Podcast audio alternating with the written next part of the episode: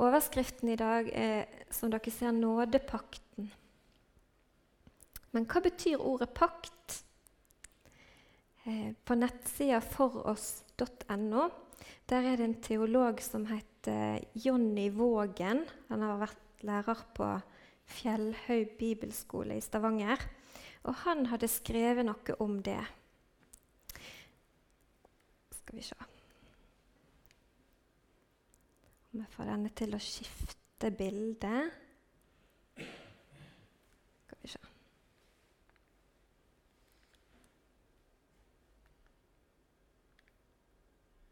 Der. Ja.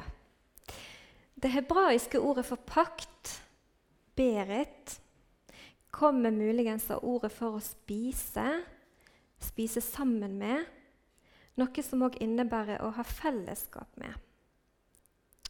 På gammeltestamentlig tid var det vanlig med paktslutninger mellom personer eller folk.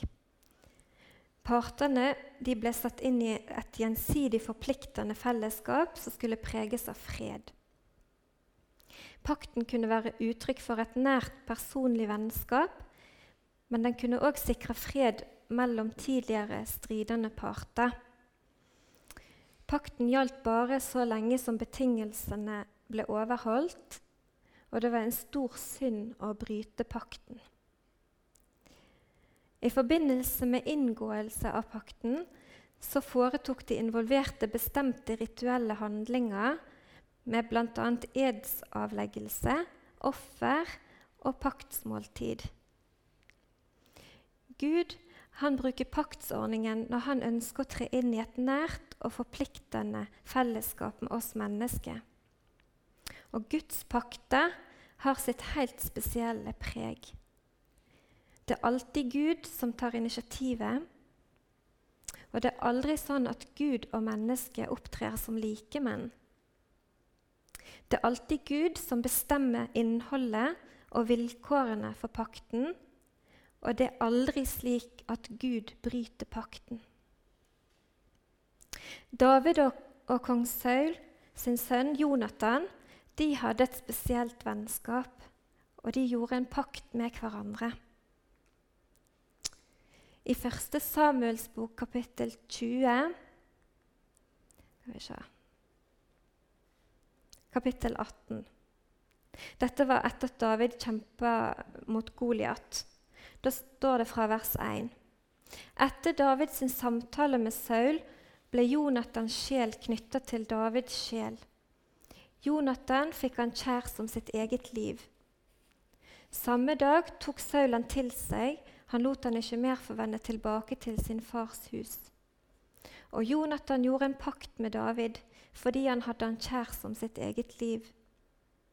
Jonathan tok av seg den ytterkappen han hadde på, og ga den til David. Likeså krigsklærne sine, ja, også sverdet og buen og beltet. 1. Samuels bok, kapittel 20, vers 42. Da sier Jonathan til David.: Gå bort i fred, for vi to har sverget hverandre i Herrens navn, at Herren for alltid skal være vitne om løftet mellom meg og deg, og mellom min ett og din ett. Som vi vet, så hadde Gud forkasta kong Saul, og profeten Samuel han hadde salva David til konge, sånn som Gud hadde sagt. Saul var klar over dette og han sto stadig David etter livet. Men Jonathan han hjalp David med å flykte fra Saul. I 1. Samuel 20, vers 12-15. Og Jonathan sa til David, ved Herren Israels Gud, i morgen eller i overmorgen på denne tiden vil jeg finne ut om min far er vel sinnet mot David. Dersom jeg så ikke sender bud til deg og lar deg få vite det, så må Herren la det gå Jonathan ille, både nå og siden. Vil min far føre ondt over deg, så skal jeg la deg få vite det, og la deg slippe bort, så du kan dra din vei i fred. Må Herren være med deg, som han har vært med min far. Og hvis jeg ennå er i live, vil du da ikke gjøre Herrens miskunnhet mot meg og ikke la meg dø? Aldri noensinne vil du ta bort din godhet fra mitt hus, ikke engang når Herren gjør ende på Davids fiender og utrydder dem alle som en av jorden. Det var skikken på denne tida at når en konge døde, så ble familien til kongen drept for at de skulle hindre at det ble gjort noe opprør. Så det Jonathan ber David om, er at han må vise nåde mot hans familie når David blir konge. 1. Samuels bok kapittel 20, vers 16-17. Så gjorde Jonathan en pakt med Davids hus og sa:" Herren tar hevn over Davids fiender. Ved sin kjærlighet til David fikk Jonathan han til å love dette med ed, for han hadde han kjær som sitt eget liv. David ga samme løfte til Saul etter at David hadde spart Saul sitt liv, da Saul i et nødvendig ærend kom inn i ei hule der David og hans menn var. Første Samuels bok 24, vers 20-22. Og se, dette sier da Saul til David. Og se, nå vet jeg jo at du skal bli konge, og at kongedømmet over Israel skal bli fast i din hånd. Så tilsverg meg nå ved Herren at du ikke vil utrydde mine etterkommere og ikke utslette mitt navn av min fars hus. Og David lovte Saul dette med ed. Videre i historien gikk det sånn som vi vet, at David ble konge etter at Saul og Jonathan døde. I 2. Samuels bok, fra kapittel 9, vers 1, da leser vi om at David tenker på dette løftet som han hadde gitt til Jonathan og Saul. David sa, 'Er det ennå noen igjen av Sauls hus som jeg kan gjøre vel imot for Jonathans skyld?' Nå var det i Sauls hus en tjener som het Siba. Han ble kalt til David, og kongen sa til han, 'Er du Siba?' Han svarte, 'Ja, din tjener heter så.' Da sa kongen, Er det ikke ennå noen igjen av Sauls hus, så jeg kunne gjøre Guds miskunnhet mot han? Siba svarte kongen, Det er ennå en sønn av Jonathan, en som er lam i begge føttene. Kongen spurte han, Hvor er han? Siba svarte kongen, Han er i huset hos Makir, sønn av Amiel, i Lodebar. Så sendte kong David bud og hentet han fra Makirs, Amiels sønns hus i Lodebar. Og da Mefibosjet, sønn av Jonathan, Sauls sønn, kom inn til David, kastet han seg ned med ansiktet mot jorden. Og David sa, Mefibosjet. Han svarte, Her er din tjener. David sa til han, Vær ikke redd. Jeg vil gjøre vel mot deg for din far Jonathans skyld og gi deg tilbake hele den jordeiendommen Saul, din far, eide. Du skal alltid ete ved mitt bord. Da kastet han seg ned og sa, Hva er din tjener, at du lar ditt øye falle på en død hund som meg? Så kalte kongen på Siba, Sauls tjener, og sa til han, Alt som har tilhørt Saul og hele hans ett, har jeg gitt til din Herres sønn. Du skal dyrke jorden for han, du og dine sønner og dine tjenere. Dere skal høste inn for han, så din Herres sønn kan ha brød å spise. Men selv skal Mefibosjet, din Herres sønn, alltid spise ved mitt bord. Siba hadde 15 sønner og 20 tjenere. Da sa Siba til kongen, som min herre kongen befaler sin tjener, slik skal din tjener i alle måter gjøre. David sa, Mefibosjet skal spise ved mitt bord som en av kongens sønner. Mefibosjet hadde en liten sønn som het Mika. Og alle som bodde i Sibas hus, var Mefiboshets tjenere. Men selv bodde Mefibosjet i Jerusalem, for han spiste alltid ved kongens bord. Han var lam i begge føttene. Vi kan kanskje ane litt av sjokket det må ha vært for Mefibosjet da kongens menn banka på døra og henta han til kong David. Muligens så tenkte han at dette er slutten. Men så ble det en ny begynnelse. Livet hans ble helt forandra. Fra å leve i skjul, i frykt for kongen, ble han nå regna som en av kongens egne sønner. Mefibosjet, som egentlig skulle vært død ifølge tradisjonen, han fant nåde og godhet hos kong David. Hvorfor? Hva var det David sa til Mefibosjet da han kasta seg ned med ansiktet mot jorden? David sa til han, 'Vær ikke redd, jeg vil gjøre vel mot deg for din far Jonathans skyld.' David han handler i tråd med den pakten som han inngikk med Jonathan. Pakten mellom Jonathan og David førte til et trygt og godt liv for Mefibosjet. Som David tok Mefibosjet fra et øde sted til å få sitte ved kongens bord som hans egne sønner, har Gud tatt oss fra der vi var, og brakt oss til fellesskap med seg. Hvorfor? På grunn av blodspakten som Jesus er mellommann for. Vi leser fra Matteus kapittel 26, vers 26-27, hvor Jesus innstifter nattverden. Mens de nå holdt måltid, tok Jesus et brød, ba velsignelsesbønnen og brøt det, ga disiplene og sa, Ta, et, dette er mitt legeme. Og han tok et beger, takket, ga de og sa, Drikk av det alle, for dette er mitt blod, den nye pakts blod, som utgyttes for mange til syndenes forlatelse. Syndenes forlatelse, trenger vi det? Vi kan lese fra Romerbrevet, kapittel 3, vers 23-24. Alle har syndet og står uten ære for Gud, og det blir rettferdiggjort for intet av Hans nåde ved forløsningen i Kristus Jesus. Fra kapittel 6, vers 23, der står det for syndens lønn er døden, men Guds nådegave er evig liv i Kristus Jesus, vår Herre. Når vi har troen på Jesus, er vi i Kristus, og vi finner nåde hos Gud. I den gamle pakt, før Jesus døde på Golgata, da måtte yppersteprestene daglig bære fram offer for sin synd og for folket sin synd.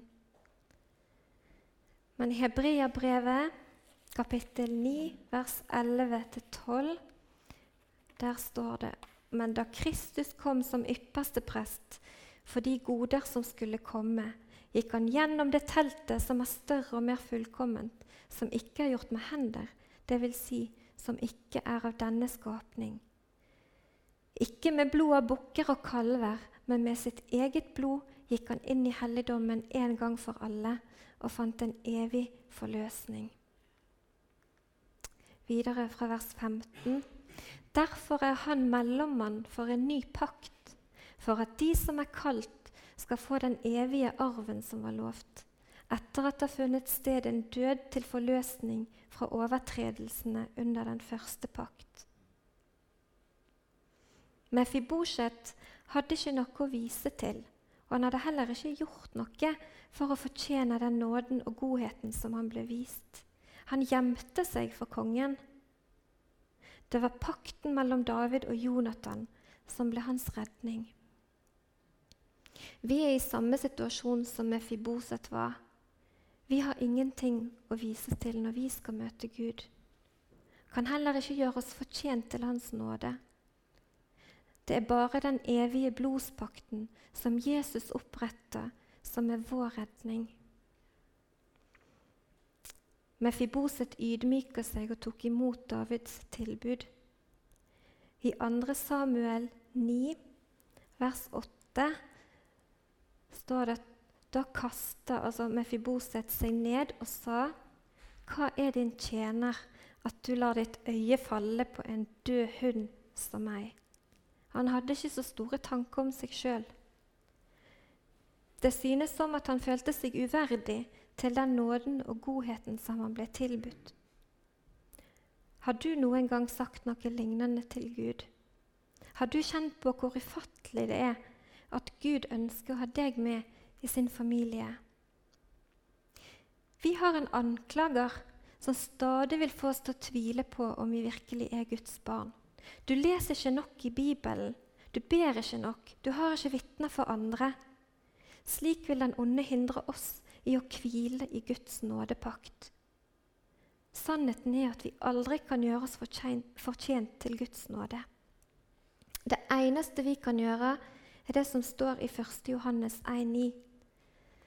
Dersom vi bekjenner våre synder, er Han trofast og rettferdig, så Han forlater oss syndene og renser oss fra all urettferdighet.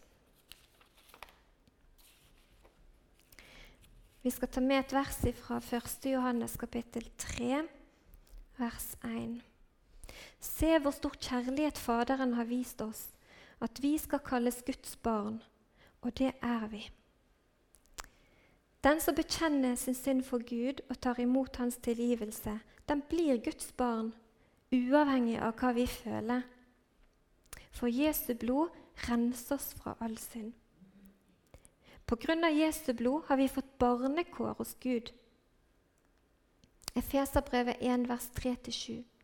Lovet være Gud, vår Herre Jesu Kristi Far, Han som har velsignet oss med all åndelig velsignelse i himmelen i Kristus.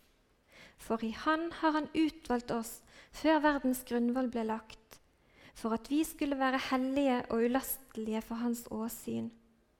I kjærlighet har Han forutbestemt oss til å få barnekår hos seg ved Jesus Kristus etter sin frie viljes råd. Det var nok stort for Mefiboset å få være på slottet og ta plass ved kongens bord. Kanskje han måtte klype seg i armen iblant for å finne ut om det bare var en drøm. Men én ting visste han, og det var at han var der bare på grunn av kongens nåde og ingenting annet. Mefiboset han fikk en stor arv. Han fikk alt som hadde tilhørt Saul og hele hans ett, og han fikk tjenere som skulle dyrke jorda for han og høste inn avlingene for han. Mefibosjet sin arv den var jordisk og forgjengelig. Men vi som er Guds barn, har en evig arv, som vi leste om i Hebreabrevet 9, vers 15. Og i første Korinterbrev kapittel 2, vers 9, så står det men som det står skrevet, det som intet øye har sett og intet øre hørt, og det som ikke kom opp i noe menneskes hjerte, det har Gud beredt for dem som elsker Han.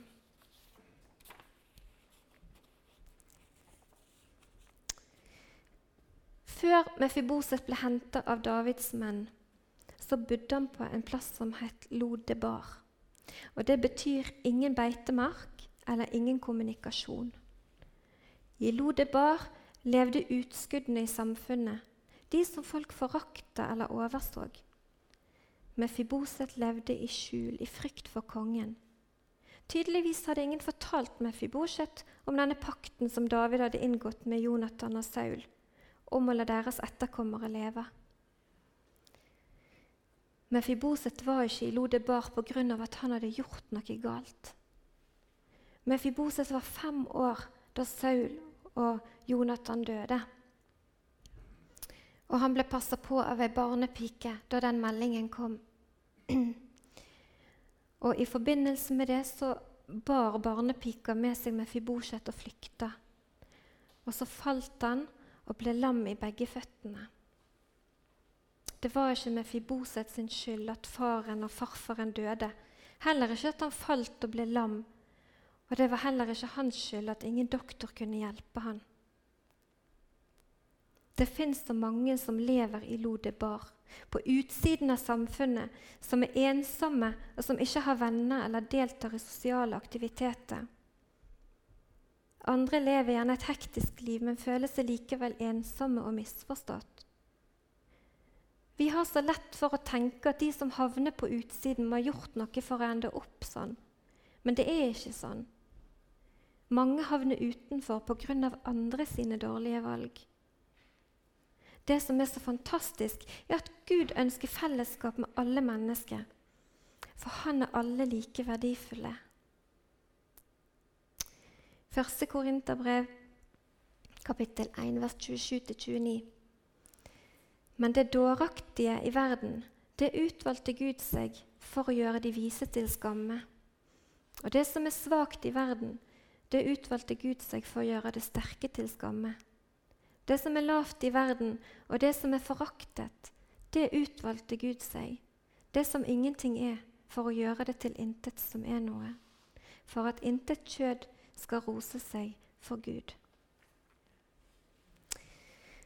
Da David spurte tjeneren Siba om det var noen igjen av Saul sitt hus som han kunne gjøre Guds miskunnhet mot, da svarte jo Siba at det er ennå en sønn av Jonathan, en som er lam i begge føttene. Siba sin kommentar kan antyde at han ikke syns at Mefibosjet passet helt inn på slottet. Men det er så fint å lese om Davids respons. 'Hvor er han?' sa David. Han spurte ikke hvor mye er han skada, eller hvordan skjedde det. Sånn er det òg med Gud. Han vil møte deg uansett hvor hardt livet har fart med deg, uansett hvor mange og dype sår du har. Han ønsker at du skal være hans barn, og han vil gi deg et nytt liv. I Salme 147, vers 3, så står det om Jesus at han helbreder dem som har et nedbrutt hjerte, og forbinder deres smertefulle sår. Som David leter etter Mefibosjet, sånn leter Gud etter mennesker i dag. Og de som blir oversett av oss, de som er utskudd i samfunnet, de som folk forakter. Vi som er Guds barn, har et ansvar for å fortelle alle mennesker om pakten som Gud har oppretta gjennom Jesus. Vi kan være som David sine menn og hente mennesket til kongen. Når Mefibosjet satte seg ved kongens bord, ble han behandla som de andre sønnene til kongen. Du og jeg er like viktige for Gud. Vi har så lett for å tenke at vi er rangert etter hva vi presterer. Men vi er kongebarn alle sammen. Og vi har den samme evige arven. I en barnesang så synger vi 'En gang skal vi være der, i Guds eget hjem'. Dagen nærmer seg. Vi skal få se Jesu naglemerke. Dette tegnet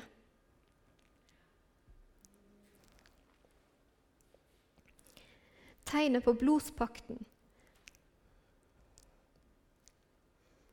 som ene og alene er grunnen til at vi får komme inn i himmelen. Skal vi be sammen? Takk, kjære Jesus, for den blodspakten som du var villig til å inngå for å frelse oss. Takk, Jesus, at vi skal få være dine barn. Takk at alle mennesker er like verdifulle for deg. Takk, Jesus, for den himmelske arven som vi har i vente. Takk at vi en gang skal få sitte ved ditt bord, Herre. Og hjelp oss til å fortelle om denne blodspakten til alle mennesker som vi møter. Amen.